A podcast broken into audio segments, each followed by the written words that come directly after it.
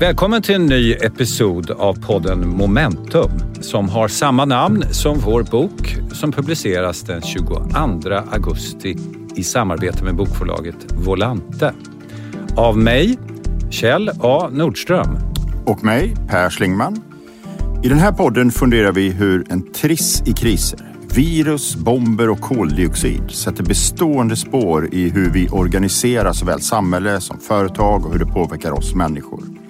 Men innan vi gör någonting annat så vill vi tacka våra samarbetspartners som är lika nyfikna som vi på framtiden och som möjliggör denna podd. TV4, Advania, Transportföretagen och Skogsindustrin.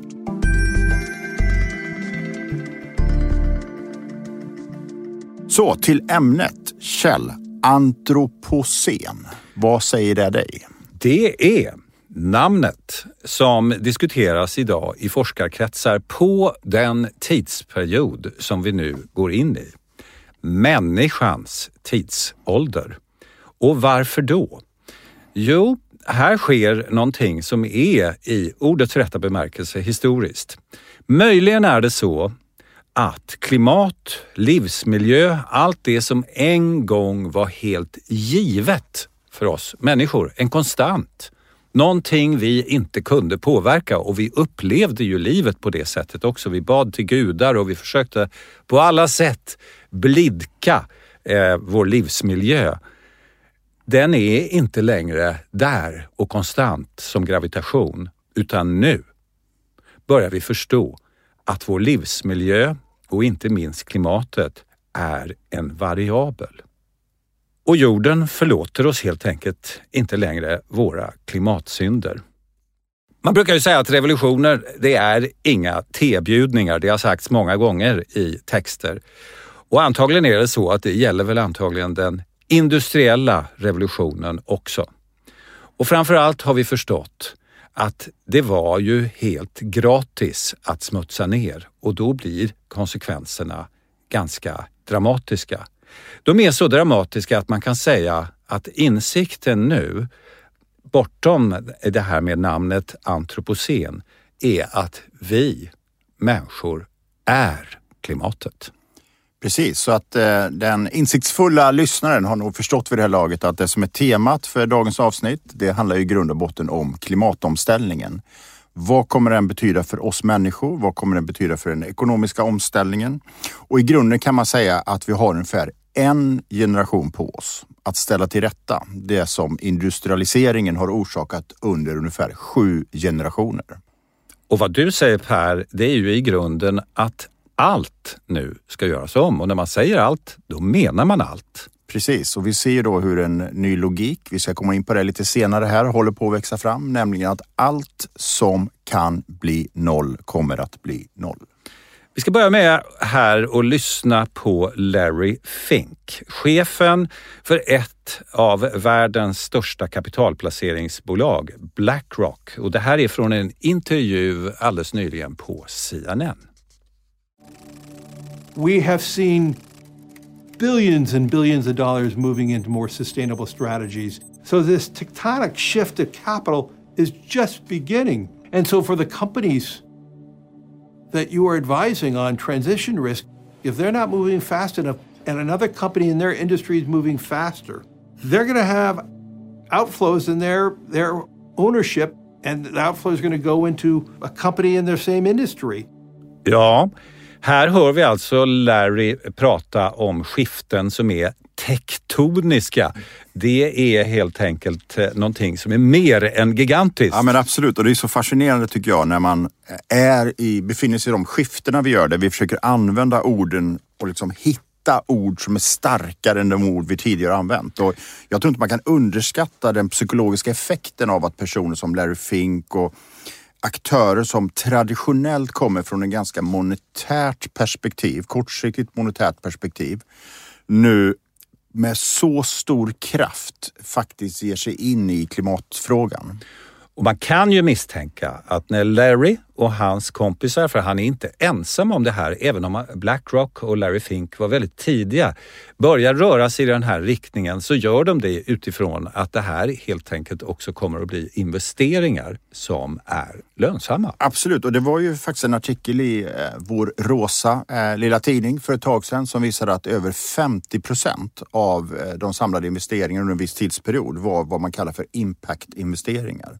Alltså investeringar som syftade till att bidra till klimatomställningen.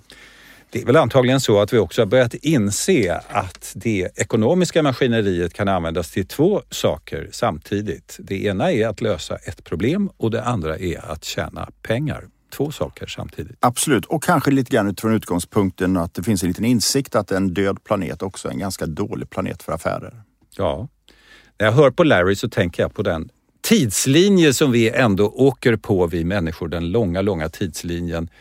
Där vi längst tillbaka hittar Lucy, den lilla tjejen som man gräver ut i vår tids Kenya, Rift Valley, där vi kommer ifrån, som är en apmänniska, en hominid. Och om man tänker på hennes liv och leverne så är det ju inte mycket av ekonomisk aktivitet. Apan byter nötter mot fikon, fikon mot fisk. Ingen ekonomisk aktivitet att tala om. Det händer heller ingenting sen på miljoners år. Sen kommer Jesus till byn. Ingen större ekonomisk aktivitet då heller om vi ska vara helt ärliga. Viss och annan aktivitet. Viss annan aktivitet utbryter och 560 år senare ungefär så kommer Mohammed och då blir det också viss annan aktivitet men inte så mycket ekonomisk aktivitet. Alla kommer sen ihåg att vi börjar skicka skepp fram och tillbaka över världen och stjäla lite grejer borta i Sydamerika från indianerna. Men eftersom vi stjäl det mesta så är det inte så mycket ekonomisk aktivitet då heller. Men det är sen hon kommer. kommer. Tjejen, Jenny, förnamnet var Spinning. Precis. Och då startar de lite drygt 200 år av industrialisering som lägger grunden för det välstånd, det långa liv och allt det vi ser omkring oss om vi bara öppnar ögonen och tittar oss runt omkring. Men som också lägger grunden för det som Larry Fink och hans kollegor idag diskuterar är en tektonisk förändring i hur man placerar kapital utifrån kan man säga då insikten att vi själva är klimatet. Det är alltså vårt agerande som kommer att påverka utvecklingen framåt. Och det betyder ju en sak, nämligen att allt ska göras om. Kan tyckas enkelt. Riktningen får man ändå säga är mycket tydlig. Framförallt i vår del, vår oligon. Vi talade ju tidigare avsnitt om hur världen faller samman i olika oligoner. Om man tittar på det som händer i vår med väst, eh, USA, Japan, Sydkorea, Australien och så vidare. Så det är väldigt tydligt att riktningen är där. Vi ser det överallt. Problemet är ju tiden. Vi har ungefär 30 år på oss att göra om och att göra rätt. Ett av alla företag som arbetar väldigt aktivt med hållbarhet är Advania som också är en av våra samarbetspartners i den här podden. Och vi ringer upp Maria Suarez som arbetar med just hållbarhet på Advania. Hej Maria! Hej hej! Vi tänkte prata lite grann om eh, Advania, ert hållbarhetsarbete, hur IT-digitalisering bidrar till hållbarhet. Så jag tänkte börja i den änden. Hur kan IT och digitalisering i generella termer bidra till ökad hållbarhet? Alltså, vår sektor är ju både stort problem och lösningen. Liksom. Vi har ju så stor negativ påverkan på klimatet men vi, och vi har liksom en hemläxa att göra när det gäller alltså klimatfrågorna just om man tänker på de hållbarhetsfrågorna. Mm. Energiförbrukning, avfallsberget eh, ja, men även dåliga arbetsvillkor för människor som tillverkar produkterna som vi säljer och så.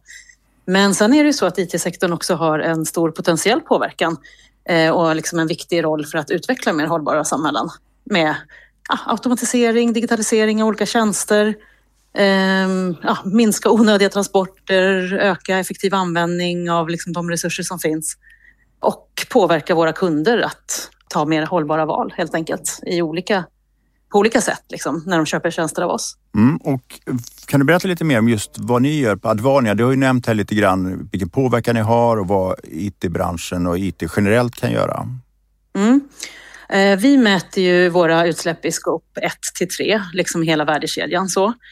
Sen har vi också ett arbete som handlar om att påverka kunderna till att eh, välja mer hållbara val. Och vi har eh, under det här året tagit ett ganska stort steg. Vi har ju minskat våra klimatavtryck löpande sedan vi började mäta 2015. Då.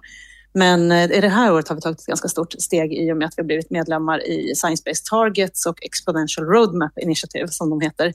Eh, vilket ju innebär att vi förbinder oss att halvera utsläpp före 2030 eh, och nå netto noll internt och i hela värdekedjan till 2045. Mm. Eh, så att det är ganska stora eh, saker som vi jobbar med och eh, ser hur vi kan göra det arbetet bättre både hos oss själva men också hos kunderna. Mm, bra. Tack så mycket för det och jag vill, vill också rikta ett stort tack till Advania för att ni är våra samarbetspartner i den här podden. Tack så mycket. Tack, tack. Tack Maria.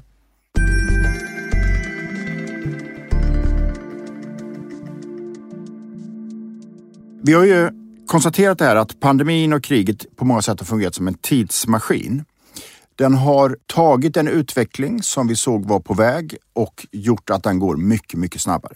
Hållbarhet är ju inget undantag utan vi ser nu hur det går från att vara en fråga om regelefterlevnad, något man måste göra, ett CSR-projekt till att den helt skiftar spelplan och istället så är det någonting som skapar konkurrensfördelar. Och jag brukar ibland tänka så här att om man tittar på vilka företag, vilka ledare är det som vi beundrar? Och firar. Och firar. Så ser vi väldigt tydligt i svensk ekonomisk historia hur detta nu sätter sina spår. Jag brukar tänka så här att under industrialiseringen, då var vi stolta över företag som SKF, Volvo, Ericsson. Sen kom internet, ettor, nollor, digitalisering. King, Klarna, Spotify var de vi beundrade. Idag Northvolt, Polarium, H2 Green Steel, Hybrite. Och vi ser här väldigt tydligt också ett mönster. Industrialiseringen skapade tillväxt. Digitaliseringen skapade tillväxt och nu ser vi hur hållbarhet skapar tillväxt. Och lite grann är det ju det här att den som kommer först till noll kommer vinna marknaden. Och jag vet Kjell att du för några år sedan träffade Toyota-chefen och han var ju väldigt tidig, eller hur? Han var väldigt tidig. Det här är ungefär tio år sedan och då säger han på sitt oefterhärmliga sätt att visionen för Toyota Company is maybe air is a little better after ride than before att luften ska vara till och med vara lite bättre efter en ride i en Toyota än vad den var före. Och då har man tagit sig förbi noll. Precis, och det är ju ett väldigt intressant perspektiv att säga som koncernchef, nämligen idén att vi driver den här verksamheten med ambitionen att lämna en bättre värld efter oss. Ja. Och att då göra det utifrån Toyota-perspektivet i en bilindustri som så, så upp uppenbart är eh, och ännu mer har varit fossilberoende. Så det, det säger väldigt, väldigt mycket och jag brukar tänka så här också. Man får det man betalar för. Eller ja. Och det som händer tror jag, det är också det Larry Fink säger, det är Toyota-chefen någonstans. Alltså vi ställer om hela vår ekonomi där vi belönar människor, företag, vi som konsumenter. Vi belönar det som leder mot noll. Och vi ska lyssna här på ett litet klipp från California Business Review. Linking executive pay to climate performance is emerging as a business practice at some of the world's largest companies, particularly oil and gas companies at the forefront of climate concerns. The largest oil and oil companies, BP, Shell, Total, Chevron, and ExxonMobil, all incorporate climate metrics into CEO pay. Så vad man säger här, det är egentligen det här att de inkluderar vad de kallar för climate metric into the CEO pay. Vad det betyder det är att chefernas bonusar i högre grad också handlar om hur de åstadkommer klimatpåverkan, klimatnytta. Och det pågår också i många, många svenska bolag. Skanska exempelvis har tagit ett stort initiativ. Jag såg någon siffra att ungefär 30-40 procent av de svenska, de på storbolagslistan idag har mål kopplade till liksom ersättningen. Så att jag tror detta är lite grann ett, ett en del av den här rörelsen. Att vad vi gör nu är att vi använder de ekonomiska drivkrafterna och så inkluderar vi klimat utifrån idén att närmast noll vinner. Och det är klart att måtten just nu, sättet som vi mäter det här på kan kritiseras. De är i många fall inte speciellt precisa. Men det brukar vara så i början när vi människor tar oss före med någonting att det brukar vi brukar vara lite valhänta helt ja, men enkelt. Absolut, och det är en naturlig trial and error. Ja. Men det är också, skulle jag säga, en, en, en utgångspunkt, en ganska genuin utgångspunkt att faktiskt vilja åstadkomma resultat. En, en insikt tror jag, dels om att vi är klimatet, men också en insikt tror jag om att det kommer att kosta mer och mer och mer och mer att påverka klimatet och miljön negativt. Och det enda sättet att agera, det är att agera nu. Skall man vara en vinnare på framtidens marknad så måste du hamna så nära noll som möjligt. Eller kanske som Toyota säger, på plussidan. Ja, och samtidigt har vi också i västen, de flesta av oss har faktiskt direkt och indirekt i västen lärdomarna från vår tids Rom, nämligen Silicon Valley, som har lärt oss att det är genom att trial and error sätts i verket vi får någonting gjort. Man prövar och prövar och prövar. Ofta misslyckas man, men man fortsätter pröva och det har ju varit motorn i 50 år nu av ekonomisk utveckling. Driven från den där lilla platsen i Kalifornien där man förstod att ekonomisk utveckling, det är ytterst ungefär som forskning. Bara trial and error. Absolut, och det som jag tycker också är intressant om man zoomar ut så ser vi att vi har en otroligt fokus på klimatomställningen. Vi har en insikt om att vi har ganska kort om tid på oss. Och frågan är ju om det här innebär, och det här tror jag vi kommer få väldigt mycket eh, politisk diskussion om. Innebär detta att vi måste avlägga ett evigt fattigdomslöfte? Som många säger idag. Precis. Eller finns det något alternativ? Och vad som skulle kunna vara alternativet, eh, och det är väl ingen hemlighet kanske att vi lutar åt att det är ett intressant alternativ. Det är ju att det faktiskt kan vara så här att vi är på väg in i entreprenörernas paradis. Ja. Den industriella katedral som Jenny, Spinning Jenny, satte igång att bygga och som tog 200 år att förfärdiga. Allt det ska nu byggas om. Det är ju kanske det största renoveringsprojektet i mänsklighetens historia som står rakt framför näsan på oss nu. Och om inte det driver ekonomisk utveckling, då är det någonting i min eh, träning jag har missförstått. Och jag kommer att tänka på en gubbe. De var ju gubbar allihop. Ehm, jag kommer att tänka på en eh, gubbe som var ekonom som kom att bli lite av en rockstjärna. Han hette Keynes.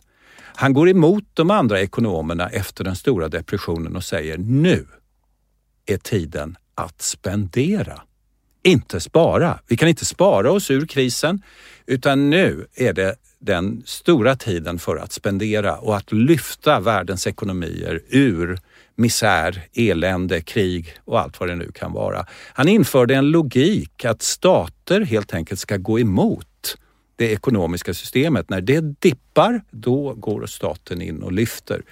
Man kan säga mycket om det, men det är en enkel men mycket kraftfull idé. Ja men absolut. Och vad Keynes gjorde lite grann, enligt min bok som jag minns det när jag läste nationalekonomi, så handlar det väldigt mycket om att i tider som är sämre förstärka människors konsumtion och förstärka staternas investeringar. Ja. Och om man tänker sig den här gröna Keynes. Vi vet ännu inte vad hon heter. Nej, det är nog det en finns tjej. ett läge för någon att träda fram här och ta den här positionen. Fink är ju och rycker i kostymen, killen på Blackrock. Ja, men absolut. Och då kanske det handlar om att gasa. Kanske inte så mycket att förstärka konsumtion utan snarare att gasa i att investera i den klimatomställningen. Ja. Och egentligen är det ju det vi ser i de här exemplen som du listade där med Hybrid, Northvolt etc. ske här i Sverige. Absolut. Som i vanlig ordning ligger ganska långt fram i den här transitionen. Precis, att en, en grön Keynes kanske lägger grunden för vad som är 20-30 års tillväxt framöver. Och det vore ju fascinerande om det är så att vi går från industrialiseringen som tillväxtskapare till digitaliseringen till klimatomställningen. Och det är klart att det här är ju utmanande. Men samtidigt så blir det ju hoppfullt om vi ser att det här kan ligga grunden för mänsklig aktivitet, eh, entreprenörskap framöver. Vi kanske skulle börja runda av lite här. Jag tror att eh, klimatomställningen som grund för tillväxt kommer vi återkomma till, tror jag, i vilket ämne vi än diskuterar. Och inte minst i vår nästa podd. Precis, då ska vi prata om arbetsliv och ledarskap och även där så finns det en väldigt tydlig koppling. Vi har ju pratat ganska mycket Kjell om eh, vad händer egentligen med Luther som sitter på våra axlar? Det är en en väldigt svensk identitet, en kollektiv självbild om att eh, vi vaknar på morgonen kanske 38 39 graders feber. Lite, lite, lite rossliga, det är ingenting. Utan det är klart man sätter sin timme i bilkö. Ja. Kämpar åtta timmar och en timme tillbaka. Sen kan man känna sig nöjd och stolt. Men vad vi ser, inte minst hos unga människor, det är ju hur Luther lite grann halkar ner. Och då kan man ju fråga sig, vad kommer istället? Ja, och man kan misstänka att den där som tar platsen är vit och lite aggressiv. Det är en isbjörn som sakta sätter sig till rätta på våra axlar. Som kommer att granska i den delen allt vi gör ur ett klimatperspektiv. Vår konsumtion, vårt sätt att välja arbete, hur vi investerar. Larry Fink har en ganska tydlig isbjörn på axeln. Det får man nog säga. Precis, och eh, ja, vi sätter väl paus där. Vad säger du? Och, eh, ni har lyssnat på podden Momentum av Kjell A Nordström och Per Slingman och den här gör vi i samarbete med Volante.